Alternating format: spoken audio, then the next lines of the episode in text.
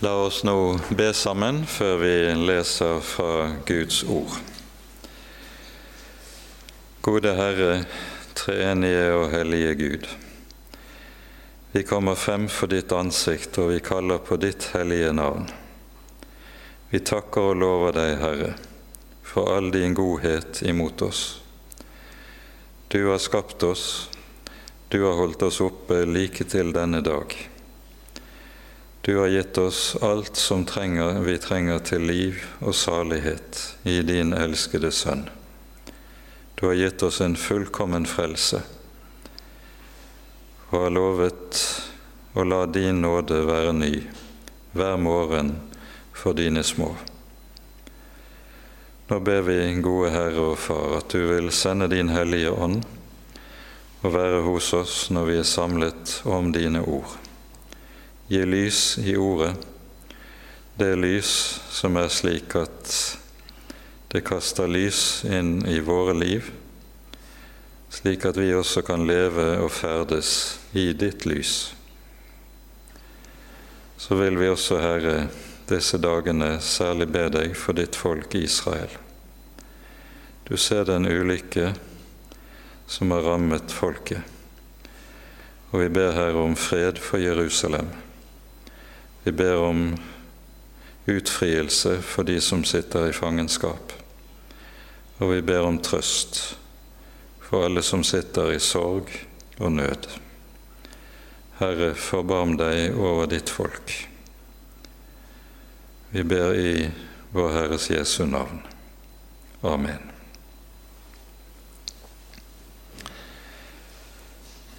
Som nevnt innledningsvis så um, tar vi altså i kveld for oss siste delen av det tolvte kapittelet i Hebreabrevet eh, og første delen av kapittel 13.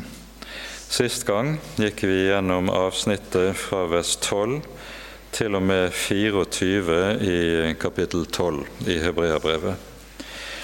Og eh, det avsnittet vi går videre på, fra vers 25 i det tolvte kapittel, det fortsetter tankegangen i, fra det foregående avsnitt. Det skal vi se nærmere på etter hvert. Men vi leser nå fra vers 25 av og til og med vers 6 i det 13. kapittelet i Jesu navn. Se til at dere ikke avviser Han som taler, for unnslapp ikke de som avviste ham som talte på jorden. Hvor meget mindre skal da vi unnslippe, om vi vender oss bort fra ham som taler fra himmelen? Hans røst, lyder, røstet den, hans røst rystet den gang jorden, men nå har han lovet og sagt:" Enda en gang vil jeg ryste, ikke bare jorden, men også himmelen. Men dette ordet 'enda en gang' gir til kjenne at de ting som rystes, skal bli tatt bort. For de er jo skapte ting, og så skal det som ikke kan rokkes, bli stående. Da vi altså for et rike som ikke kan rystes, så la oss være takknemlige og derved tjene Gud til Hans behag med blygsel og ærefrykt. For vår Gud er en fortærende ild.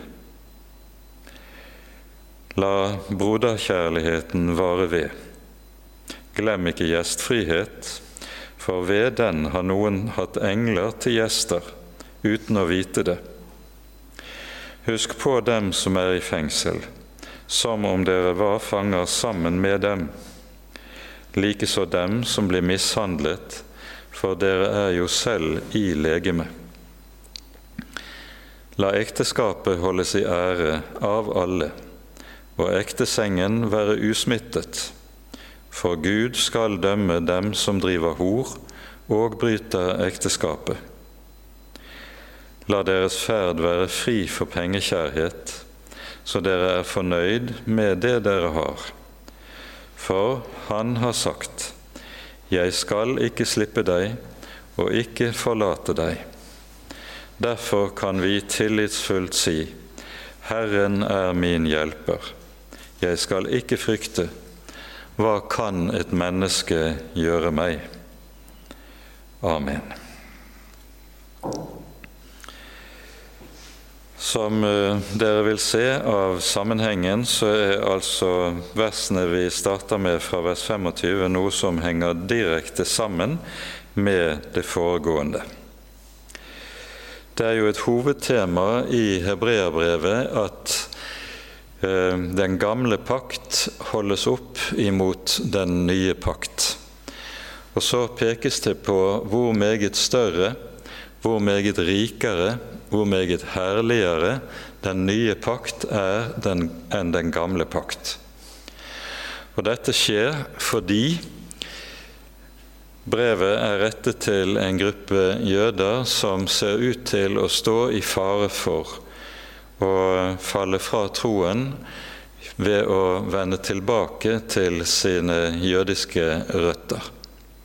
Årsaken er at de har møtt så store vansker motstand, ja, til dels kanskje forfølgelse av sin tro på evangeliet, troen på Jesus, at vanskene gjør det å vende tilbake til en fristelse. Da vil de slippe all den nød og motgang som de har kommet til å oppleve. Og for å både oppmuntre dem til og la slike tanker fare, holdes det frem hvor herlig den nye pakt er i forhold til den gamle. Og så holdes det også frem hvor stort et alvor det er når den nye pakt er så meget herligere. Da er det også slik unnskyld, at det er en desto større overtredelse, desto alvorligere å vende den, det de har fått i og med frelsen i den nye pakt, og vende det ryggen. Og Her gjelder det som jo er en grunnlov i eh, livet med Gud. Av den som er meget gitt, skal meget kreves. Israel hadde fått meget gjennom åpenbaringen, gjennom Guds ord gjennom Guds løfter, slik som vi hører det understrekes flere steder i Det nye testamentet. Men i den nye pakt med frelsen i vår Herre Jesus har vi fått langt, langt meget mer og en langt, langt større og rikere arv enn det Israel hadde fått i den gamle pakt. Og Derfor er det så meget alvorligere å vende dette ryggen enn om Israel, slik som vi hører det, vendte den gamle pakt ryggen, slik vi leser i Gamle testamentet. Derfor er, og det er denne forskjellen mellom den gamle og den nye pakt som altså tegnes for oss fra vers 25 også. Se til at dere ikke avviser Han som taler for unnslapp ikke de som avviste ham som talte på jorden, hvor meget mindre skal da vi unnslippe om vi vender oss fra ham som taler fra himmelen. Hans røst rystet den gang jorden. Det det her siktes til, er åpenbaringen på Sinai. Det er Guds røst som taler på jorden, og det sies da uttrykkelig hans røst rystet den gang jorden. Og Det hører vi jo sies direkte i 2. Mosebok kapittel 19 og 20, når vi hører beretningen om Israel ved Sinai. Så ledsages åpenbaringen av budene av Guds hellige lov på Sinai av en så veldig åpenbaring av Guds herlighet og majestet at hele fjellet og grunnen omkring bever, så folket opplever det som et jordskjelv. Og dette får folket også til å beve i stor, stor frykt overfor Guds velde og Guds majestet. Og dette at jorden slik bever, det er noe som understrekes i en rekke andre sammenhenger i Det gamle testamentet, som når en minnes det som eh, skjedde ved denne anledning. Vi kan minne om Dommerboken, f.eks., kapittel 5, der vi hører Deboras lovsang. Her står det slik i begynnelsen i det fjerde og femte verset. Herre, da du gikk ut fra Seir, er en fjellområde på Sinai, og i grenseområdene mot Negev, da du skred frem fra Edoms mark, da skalv jorden. Himlene dryppet, skyene dryppet av vann. Fjellene ristet i skrekk for Herrens åsyn. Sinai der borte skalv for Herren Israels Guds ansikt. Og Lignende hører vi gjentas i flere tekster i Salmenes bok når det pekes tilbake på åpenbaringen på Sinai. Når Herren altså åpenbarer seg i sin hellige lov, så fører det til at jorden bever. Og så sies det at her er det Herren taler på jorden. Men i evangeliet, der har vi noe langt mer. Der har vi Herren som taler til oss fra himmelen, sies det. Og Dette er kanskje et underlig uttrykk, ehm, men i dette ligger noe som understrekes med stor styrke, i, særlig i Johannesevangeliet. Og vi skal se på et par tekster i Johannesevangeliet som belyser dette. Først Johannesevangeliet, det tredje kapittel, i Jesus samtale med Nikodemus. Her eh, hører vi at Jesus i denne samtalen med Nikodemus sier følgende i vers 12 og i vers 13. Det er Johannes 3. Når jeg taler til dere om de jordiske ting og dere ikke tror, hvordan kan dere da tro dersom jeg taler til dere om de himmelske? Og ingen er steget opp til himmelen uten Han som er steget ned fra himmelen, menneskesønnen som er i himmelen. Legg merke til det. Jesus taler om seg selv og kaller seg selv for menneskesønnen som er i himmelen.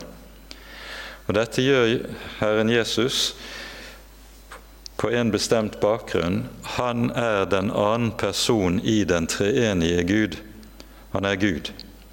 Og Derfor er hans sete og hans trone i himlene, om han dog vandrer på jorden. Og Derfor er det vi også hører Jesus si, slik det lyder i det åttende kapittel i Johannesevangeliet. Her sier han følgende i vers 22 og 23. Jødene sa Jesus er inne i en diskusjon med en gruppe fariseere, og så repliserer disse han vil da vel ikke ta sitt eget liv, siden han sier 'dit jeg går, kan dere ikke komme'. Hvorpå Jesus svarer, 'Dere er nedenfra, jeg er ovenfra'. Dere er av denne verden, jeg er ikke av denne verden. Derfor sa jeg til dere at dere skal dø i deres synder, for dersom dere ikke tror at jeg er den jeg er, skal dere dø i deres synder. Altså fornekter de Jesu guddom, så skal de dø i deres synder. Men Jesus sier altså uttrykkelig dere nedenfra, jeg er ovenfra. Dere er av denne verden, jeg er ikke av denne verden. Og Dette er bakgrunnen for at vi kan høre det som vi har lest i Hebreabrevet, at Jesus, med evangeliet om Jesus er det Han taler fra himmelen. Det er Gud som ved sin hellige ånd, når Han åpenbarer evangeliet om Jesus, gir oss ordet fra himmelen. Det er et ord som kommer ovenfra, ikke nedenfra. Guds lov åpenbares på jorden. Evangeliet åpenbares fra himmelen. Og det er tankegangen, en tankegang som Paulus også anvender i, i første Korinterbrev, i det annet kapittel, når han taler om evangeliet og hva som kjennetegner evangeliet. Her sier Paulus følgende i 1. Korinterbrev 2, fra vers 8 og vers 9. Denne visdom, altså Guds visdom, kjente ingen av denne verdens herrer. For hadde de kjent den, hadde de ikke korsfestet herlighetens herre. Men som det står skrevet, det intet øye har sett, intet øre har hørt, det som ikke kom opp i noe menneskes hjerte, det har Gud beredt for dem som elsker ham. Og dette er det Gud har åpenbart oss ved sin ånd. Evangeliet er ikke et budskap som kommer nedenfra, fra menneskenes hjerter, fra menneskenes tanker. Det er et budskap som er gitt ovenfra, fra Gud, fra himmelen. Og Derfor er evangeliet ikke noe som noe menneske kan tenke seg frem til eller arbeide seg frem til. Det må gis, og det må gis ovenfra. Og et menneske får del i evangeliet utelukkende ved at det gis og skjenkes ham ovenfra ved Den hellige ånd. Evangeliet er noe du aldri kan forklare for et menneske og gjøre det forståelig rent intellektuelt slik som mange tenker seg det ofte. Bare man får forklart saken ordentlig, så vil nok mennesker komme til tro. Slik er det ikke. Evangeliet må åpenbares. Og Denne evangeliets åpenbaring gis ved Den hellige ånd og gis ovenfra. Den kan aldri komme nedenfra. Og Det er hele denne tankegangen som lyder i dette når det taler om han som taler fra himmelen. Her i Hebreabrevet, i det tolvte kapittel som vi har lest. Da loven ble gitt, så rystet jorden, sies det.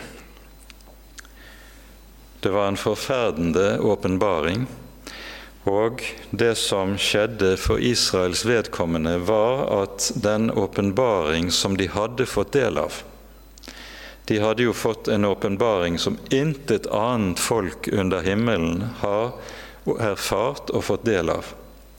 Denne åpenbaring tok Israel ikke vare på, og det var Israels store ulykke.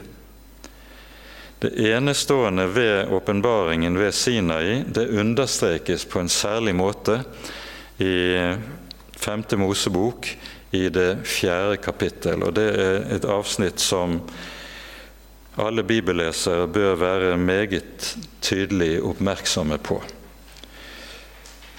Vi leser fra 5. Mosebok 4, fra vers 32.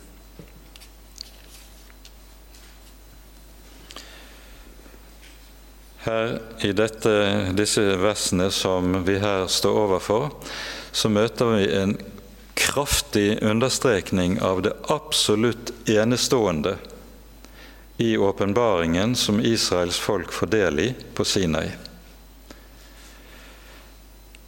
Spør bare om de svunne dager som var før din tid, like fra den dag da Gud skapte menneskene på jorden, og spør fra den ene ende av himmelen til den annen om det er hendt eller hørt noe som er så stort som dette.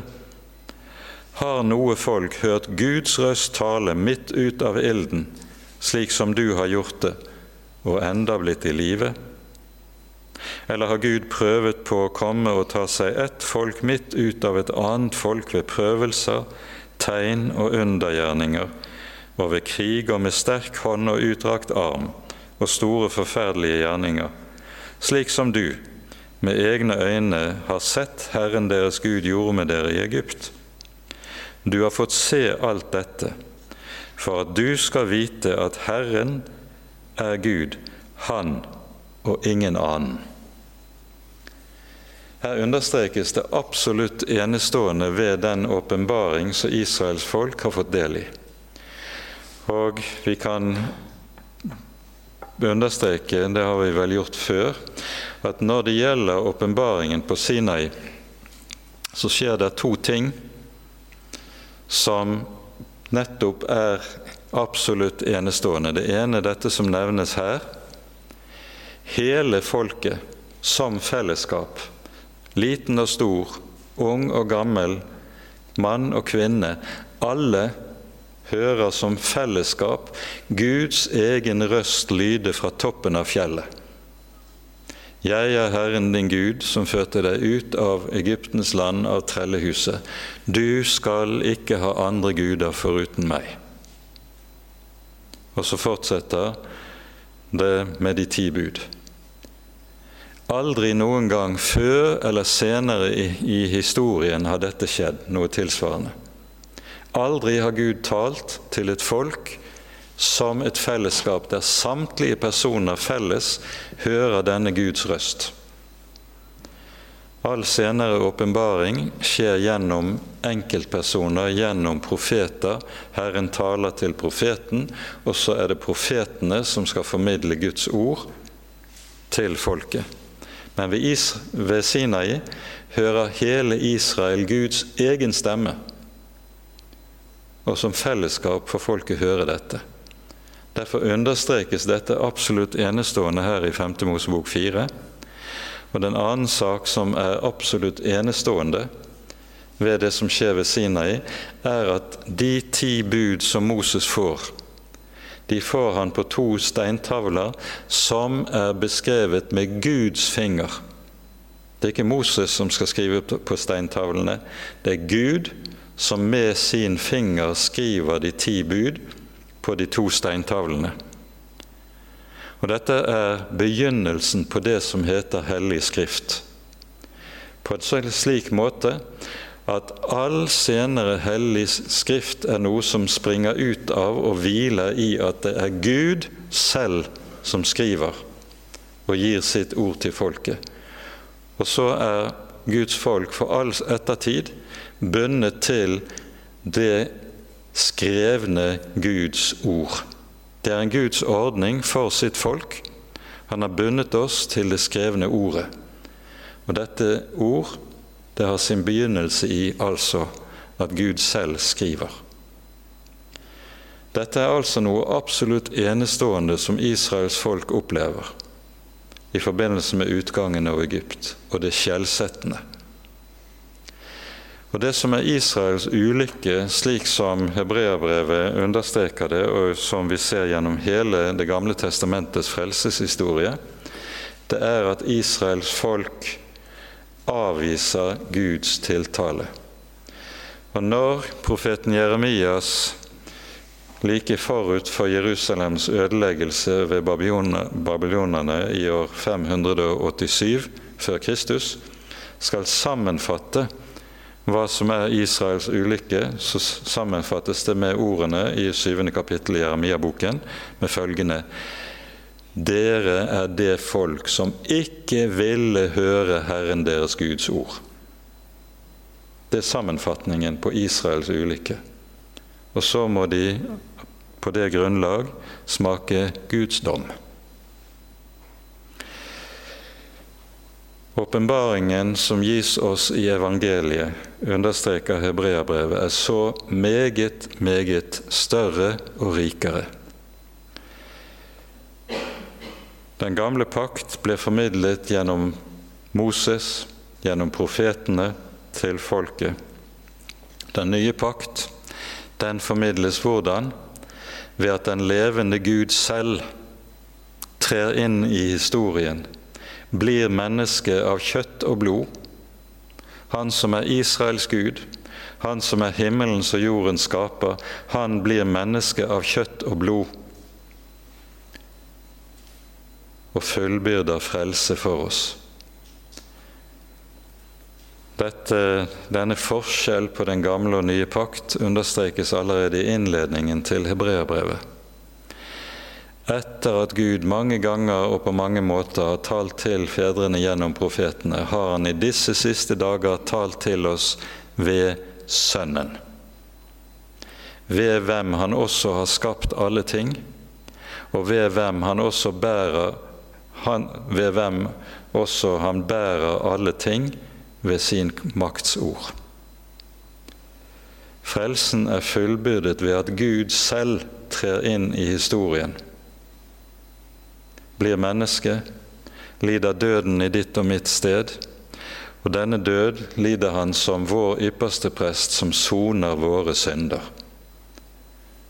Det å forkaste en slik frelse, det er langt, langt alvorligere enn å forkaste åpenbaringen i den gamle pakt, loven og profetenes ord.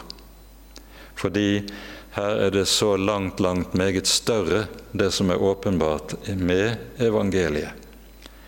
Det er det som er argumentasjonen i hebreabrevet.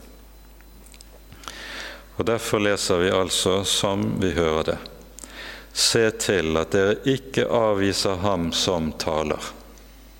Han har talt når dere hørte evangeliet, og han fortsetter å tale ved sin ånd overalt der Den hellige skrift åpenbares og forkynnes. Det er han som taler, der Guds ord lyder sant og rett, der evangeliet forkynnes sant og rett. For legg merke til, det står ikke 'han som talte' i fortid, men det står 'han som taler'. For unnslapp ikke de som avviste ham som talte på jorden, hvor meget mindre skal da vi unnslippe om vi vender oss bort fra Han som taler fra himmelen.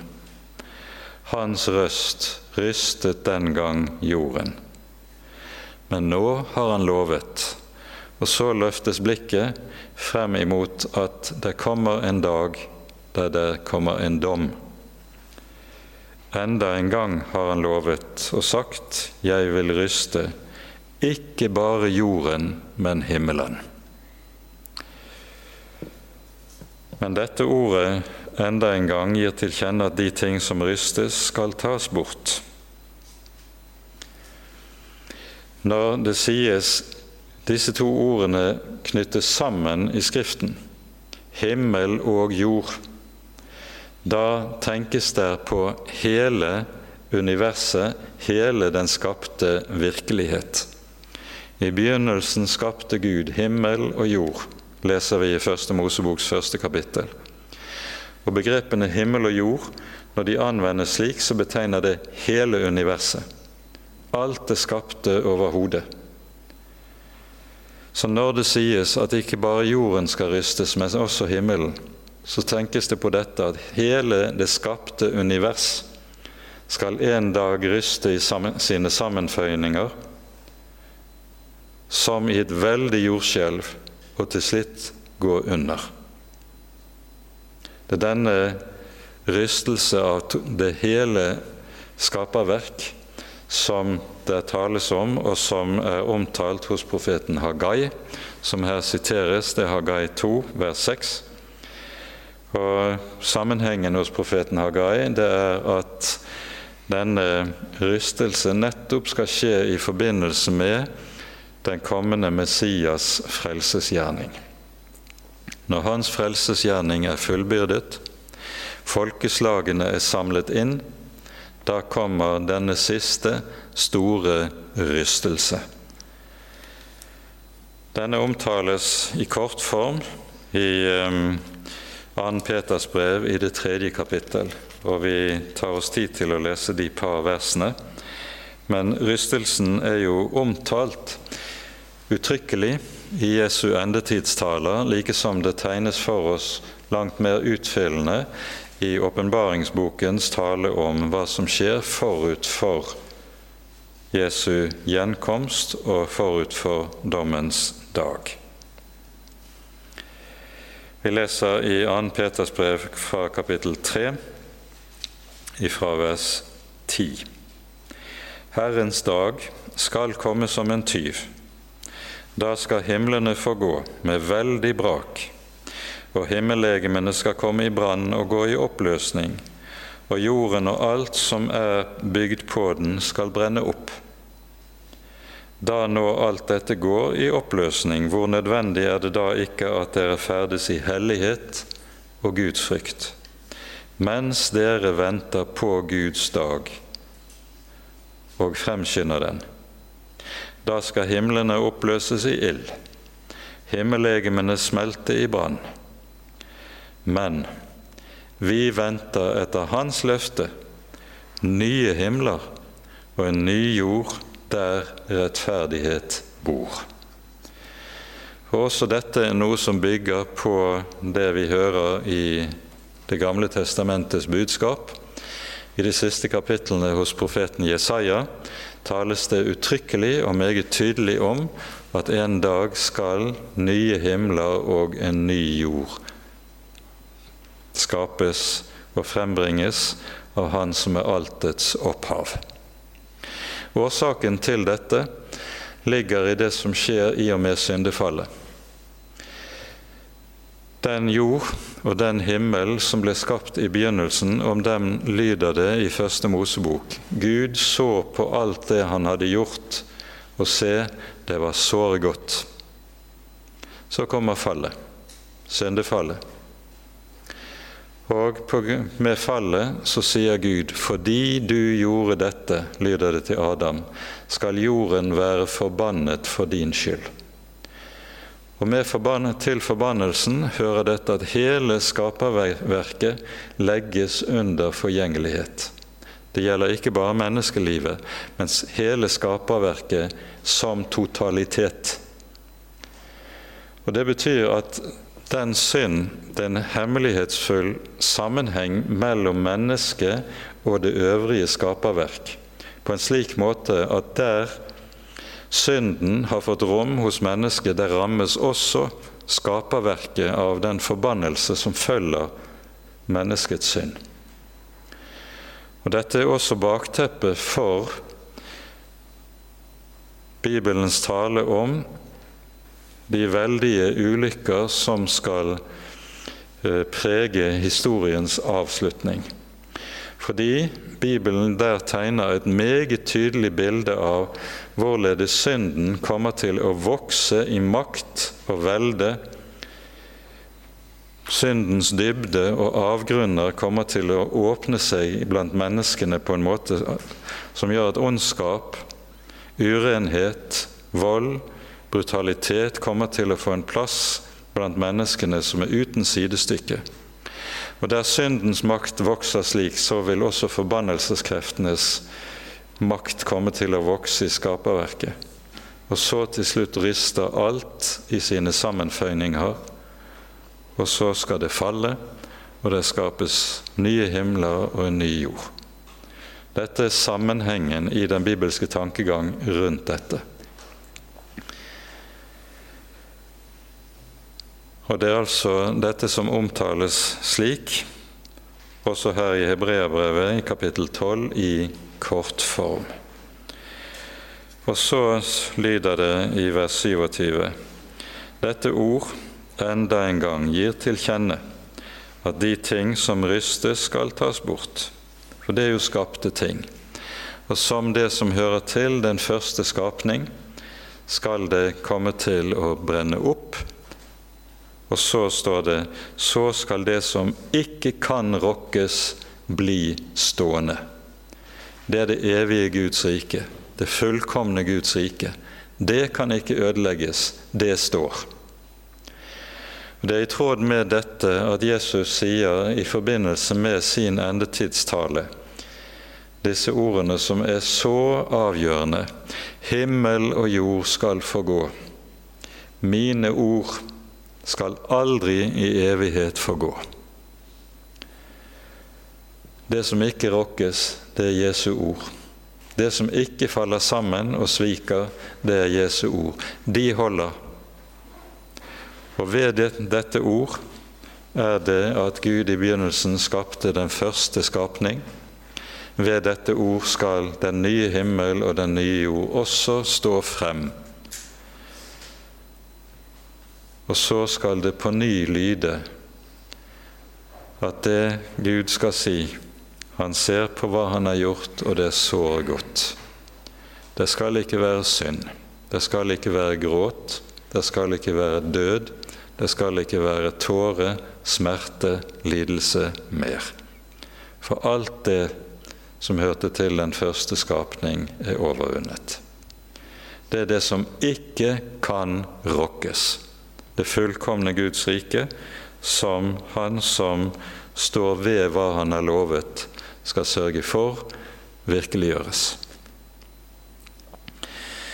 Så fortsetter det i vers 28 med ordene Da vi altså får et rike som ikke kan rystes, så la oss være takknemlige, og derved tjene Gud til Hans behag med blygsel og ærefrykt. Her trekkes konklusjonen av budskapet. Når vi vet hva det er vi har fått, vi vet hva det er vi har for et håp, hva vi har i vente, da skal det ha en bestemt konsekvens. Vi skal kunne trekke konklusjonen av det. For det første la oss være takknemlige. Og Med det så pekes det på noe som er helt avgjørende i Det nye testamentet, nemlig at det som er den grunnleggende drivkraften i et sant kristent liv, det er takknemlighet. En har fått lov til å se inn i frelsens veldige rikdom. Fått se inn i hva det betyr at det er Han som er den hellige, Han som er himmelens og jordens herre og skaper. Han har bøyet seg så uendelig dypt ned. Bøyet seg så dypt at han tok på seg min synd. Bøyet seg så dypt at han tok på seg straffen for min synd bøyet seg så dypt ned som vi aldri kan ane. La oss da være takknemlige. Jo mer du får se inn i hva det er du har fått i evangeliet om Jesus, jo større vil også takknemligheten for hva Han har gitt og hva Han har gjort, gjøre seg gjeldende i ditt liv. Og Derfor er det også slik og det kan ikke understrekes sterkt nok, det som er den grunnleggende drivkraft i sant kristent liv, det er takknemligheten. Det er ikke loven. De som bruker loven for å prøve å skape kristenliv, de binder mennesker i åndelig trelldom. Takknemligheten har det med seg at den gjerne gjør det som Guds lov krever. Ikke fordi loven krever ham eller truer ham, men fordi det som kjennetegner den nye fødsel, det er at ved den nye fødsel så skriver Gud ved sin hellige ånd sin lov inn i menneskenes hjerter. Og Derfor gjelder det for et sant kristent liv og sant kristent, sann omvendelse i, kristen, i den kristne tro. En ønsker av hjertet å handle etter og gjøre etter Guds vilje. Vi har det gamle mennesket hos oss som gjør at vi ofte faller og snubler og ofte handler imot det som vi vet er Guds vilje. Men allikevel er dette en hjertetrang hos ethvert kristent menneske Jeg vil så gjerne gjøre etter og leve etter Guds vilje. Og dette er det takknemligheten som så å si skaper i det kristne liv. Derfor lyder det altså 'så la oss være takknemlige'. Når eh, Bibelen beskriver hva som skal kjennetegne de siste tider, så sies det i 2. Timotius brev bl.a. at det som skal kjennetegne menneskene i historiens avslutning, det er utakknemlighet. Og Ofte undrer jeg meg over hvor utakknemlige mange kristne mennesker kan være. Hva har de ikke fått med evangeliet? Hva har de ikke fått se med budskapet om Jesus? Og så likevel så stor grad av utakknemlighet. Dette skulle vekke oss til besinnelse, for ordene om takknemlighet det er noe som det er en formaning og en påminnelse som gjentas i en rekke sammenhenger i Det nye testamentet. Så la oss være takknemlige, står det, og derved tjene Gud. Legg merke til uttrykksmåten. Altså i kraft av, drevet av takknemlighet, skal vi tjene Gud. La oss derved, ved takknemligheten, tjene Gud til Hans behag. Med blygsel og med ærefrykt.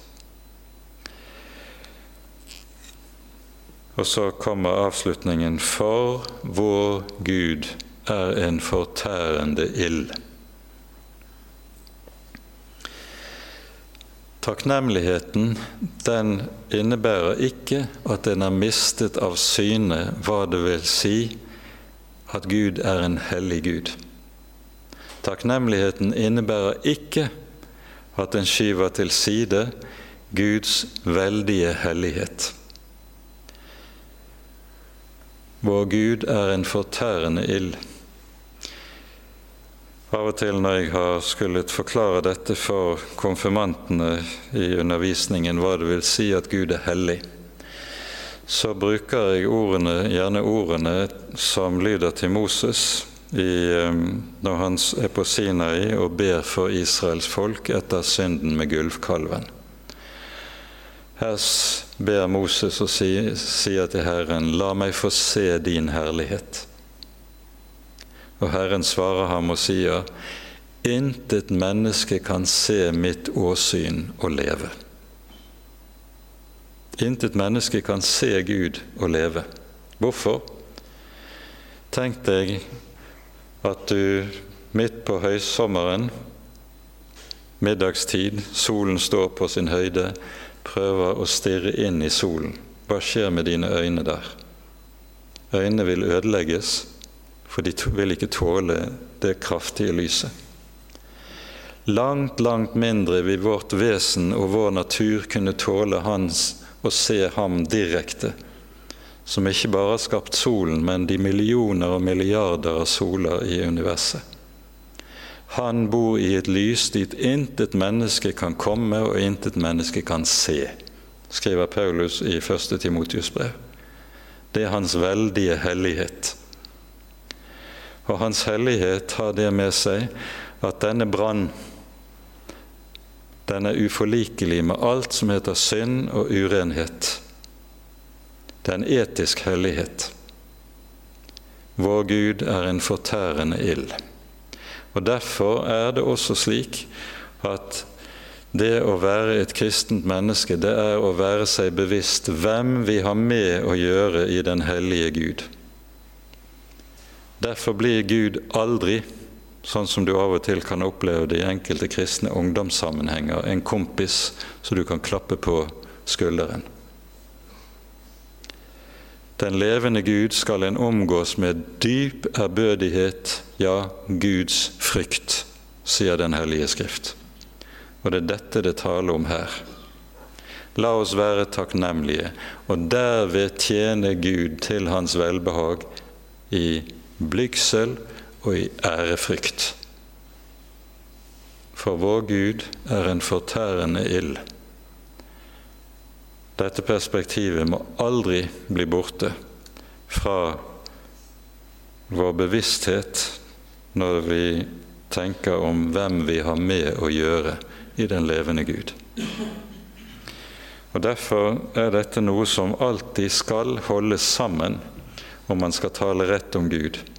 Både Guds usigelig dype kjærlighet, som er langt, langt større og langt, langt dypere enn vi noen gang vil være i stand til å fatte, åpenbart på korset, og samtidig en fortærende hellighetsild som intet menneske kan stå i møte med.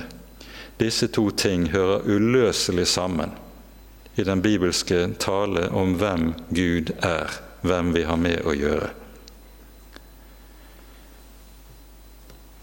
Og Dette er det altså som understrekes med så stor styrke her i Hebreabrevet.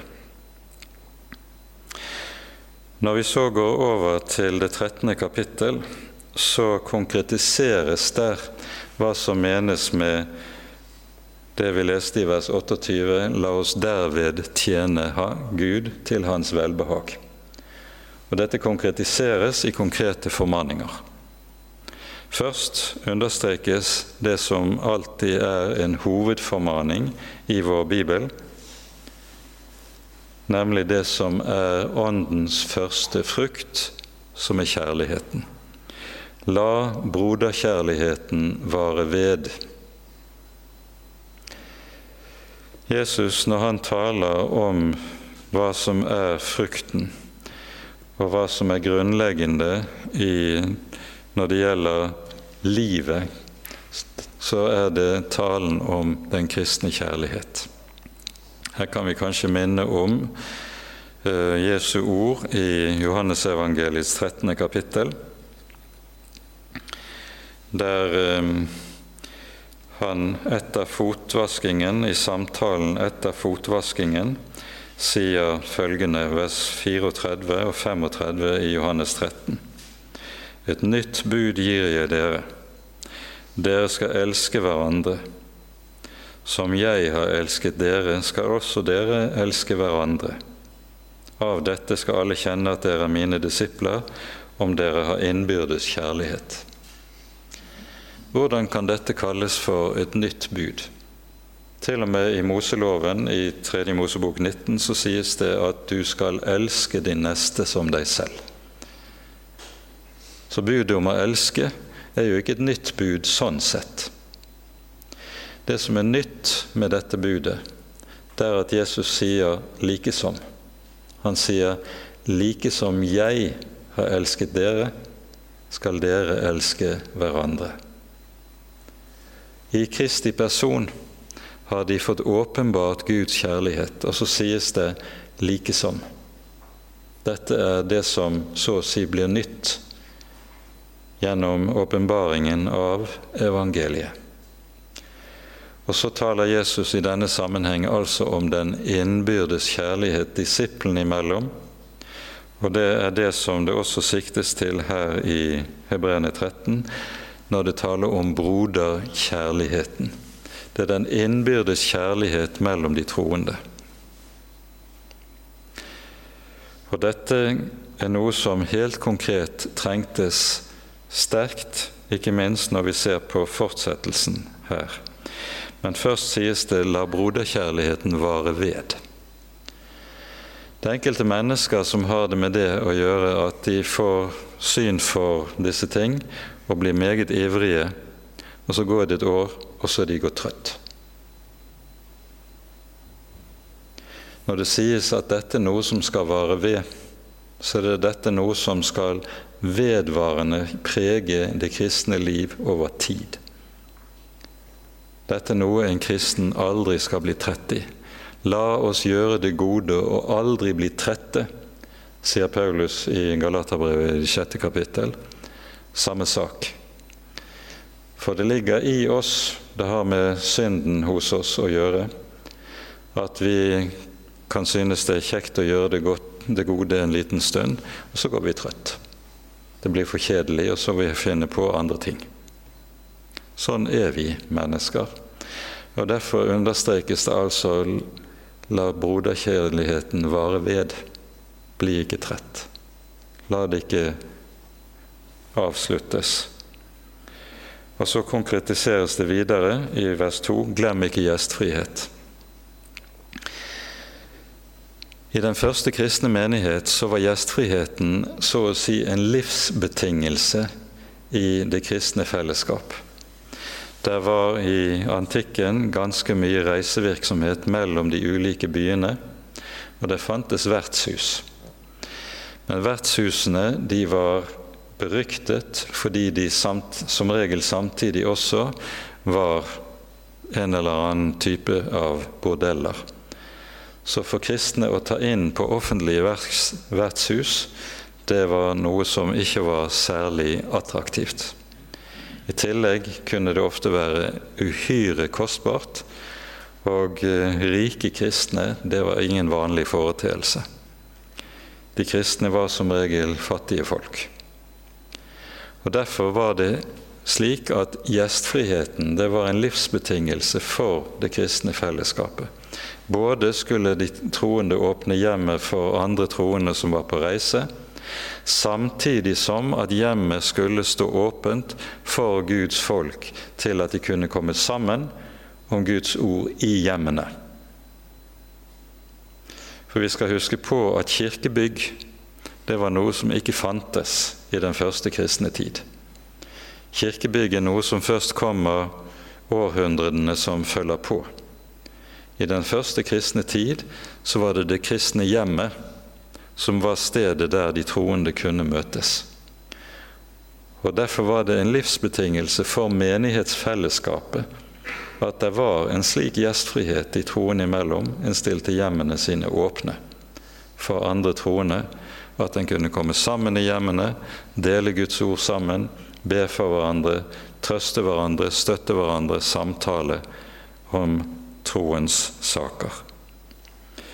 Glem ikke gjestfrihet, for ved den har noen hatt engler til gjester uten å vite om det. Gjestfriheten og det åpne hjem er altså en viktig del av den kristne kjærligheten. Det neste som regnes opp i denne sammenheng, det det vi hører i det tredje verset. Husk på dem som er i fengsel, som om dere var fanger sammen med dem likeså dem som blir mishandlet, for dere er jo selv i legeme. Når kristne ble fengslet i den gamle tid, så var det ikke sånn at fengselet var forpliktet til å sørge for at de som satt der, skulle få kost og losji. Niks. Skulle de som var satt i fengsel, få mat, så var det avhengig av at de hadde noen omkring seg som kom til dem med det de trengte. Og Derfor er beretninger fra Oldkirken rikelige i å fortelle om hvordan kristne besøkte andre troende som var kastet i fengsel for troens skyld. De sørget for hverandre med den aller største iver. Fordi det også var slik blant de troende den gang at det å bli, være fengslet for Jesu navns skyld, det ble sett på som den aller største ære. Det var en ære å gå under korset sammen med Herren Jesus. Og så det, hørte det til det å ære disse som satt slik fengslet, at en også sørget for at de fikk det de trengte når de satt fengslet for troens skyld. Og vi forstår dette. Det verset, De to neste versene peker så på noe som kom til å bli helt karakteristiske kjennetegn på kristentroen og de kristne til forskjell fra hedningene i datiden. Det gjaldt forholdet til ekteskap og til seksualitet og til penger. Her på dette området skilte de kristne seg fra radikalt fra det som var det vanlige i samtiden. La ekteskapet holdes i ære av alle og ektesengen være usmittet. Ekteskapet skal holdes i ære av alle, sies det. Det betyr både av gifte og ugifte. Ekteskapet skal holdes høyt i ære fordi det er gitt og innstiftet av Gud selv fra begynnelsen av. Har dere ikke lest, sier Jesus til fariseerne når de utesker ham om forholdet mellom mann og kvinne, har dere ikke lest at Gud fra begynnelsen av skapte dem til mann og kvinne? Derfor skal mannen forlate sin far og sin mor og holde seg til sin hustru. De to skal være ett kjød. Og så sies det det Gud har sammenføyet, skal mennesker ikke adskille. Matteus 19 av Jesu undervisning om dette. Det Gud har sammenføyet, skal mennesker ikke adskille. Og Derfor ser vi også at i Oldkirken, når den kristne kirke vokser frem, så et av de fremste kjennetegnene på de kristne, det er at de holdt sammen som ektefeller. Det som var det vanlige i Romerriket, var akkurat det samme som var vanlig i våre dager. Man hadde det som kalles seriemonogami. Man giftet seg, levde sammen et år eller to eller tre, alt ettersom, og fant seg en ny, og så flyttet en fra den ene til den andre til den tredje. Dette var det helt vanlige i datiden. De kristne gjorde ikke det. Det Gud hadde sammenføyet, skulle mennesker ikke adskille. De var trofaste i sitt ekteskapelige samliv. Og dette la folk merke til. Dette var et av de aller sterkeste vitnesbyrdene når det gjaldt livet, livets vitnesbyrd ut i den hedenske omverden den gang. Så kommer det i fortsettelsen For Gud skal dømme dem som driver hor og bryter ekteskapet. Her bruker Det nye testamentet to ulike begreper, som er de faste begrepene for å betegne brudd på det sjette bud.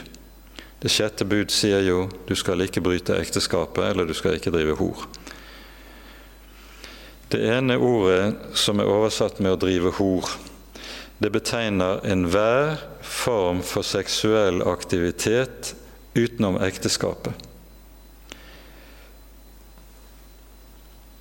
Det betegner altså f.eks.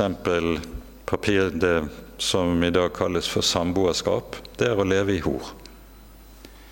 One night stands, det å drive med pornografi.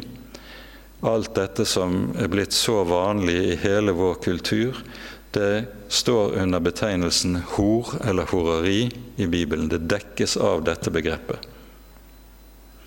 Mens det andre begrepet, som er oversatt med 'å bryte ekteskapet', det betegner enhver form for aktivitet som har det med seg at det ødelegger ekteskapet.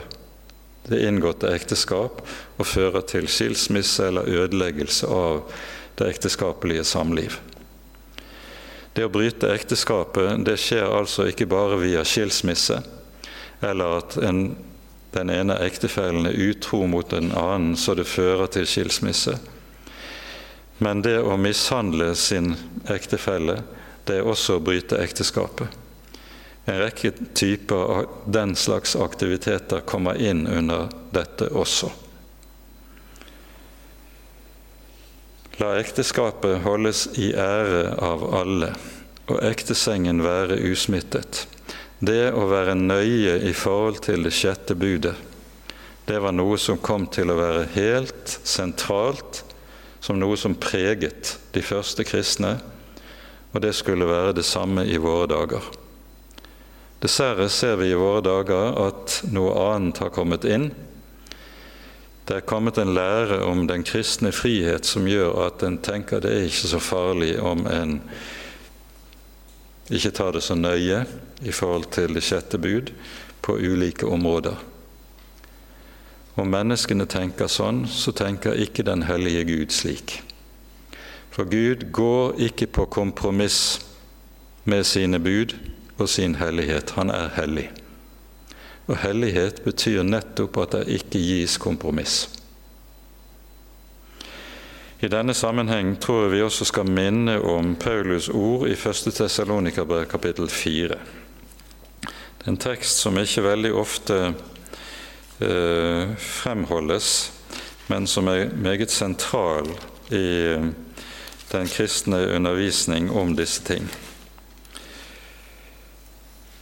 Vi leser 1. Tessalonikerbrev, kapittel 4, fra vers 2. Dere kjenner jo de påbud vi ga dere ved Herren Jesus. For dette er Guds vilje, deres helliggjørelse. Hold dere borte fra hor. Hver og en av dere skal vite å vinne sin egen ektefelle i hellighet og ære ikke i lidenskapelig begjær, slik som hedningene som ikke kjenner Gud. Og så kommer det et innskudd i vers 6, og så fortsetter det i vers 7. For Gud kalte oss ikke til urenhet, men til helliggjørelse. Derfor, den som forakter dette, han forakter ikke et menneske, men Gud, som gir sin hellige ånd i dere. Dette innebærer at når kristne skal finne en ektefelle, så skal drivkraften ikke være begjæret, det seksuelle begjær. I våre dager, slik som ekteskapstenkningen er blitt i veldig mange sammenhenger i den sekulære verden, så er det mest avgjørende kriteriet for at et ekteskap skal være godt, er at man har det gått sammen seksuelt. Og dette skal man da selvfølgelig prøve ut før man gifter seg, for å finne ut om den slags fungerer. Slik er det ikke. For kristne skal det være slik at de gifter seg i hellighet og ære. Og da er det aller viktigste at en kristen finner en ektefelle som deler hans eller hennes tro for at hjemmet kan stiftes i hellighet og ære under Guds velsignelse, og barna kan oppdras i fellesskap i troen på Guds ord. Dette er helt avgjørende, slik som Bibelen taler om disse ting. Og dette er noe som ikke må gå tapt imellom oss. Så går til slutt teksten videre til å tale om forholdet til mammon. Også på dette området var de første kristne noen som viste seg som adskilte seg fra hvordan hedningene levet. Nå rekker vi, jeg ser tiden løper, og vi rekker ikke å gå nærmere inn på det, så vi får ta det eh, litt grundigere neste gang. Jeg nevner bare her noe som kirkefaderen Tertulian skriver i et av sine forsvarsskrift for den kristne tro, rundt år 200. Her skriver han om hva som kjennetegner de troende til forskjell fra hedningene. Han sier hedningene har intet felles uten sine hustruer. De kristne har alt felles utenom sine hustruer. Dette var noe som folk la meget tydelig merke til. De kristne levet ikke som alle andre mennesker. Og det hang sammen med nettopp dette at de levet i Guds frykt og søkte å leve i hellighet og ære. Så langt rekker vi det i aften, og så får vi ta det vi ikke rakk i dag, videre neste gang.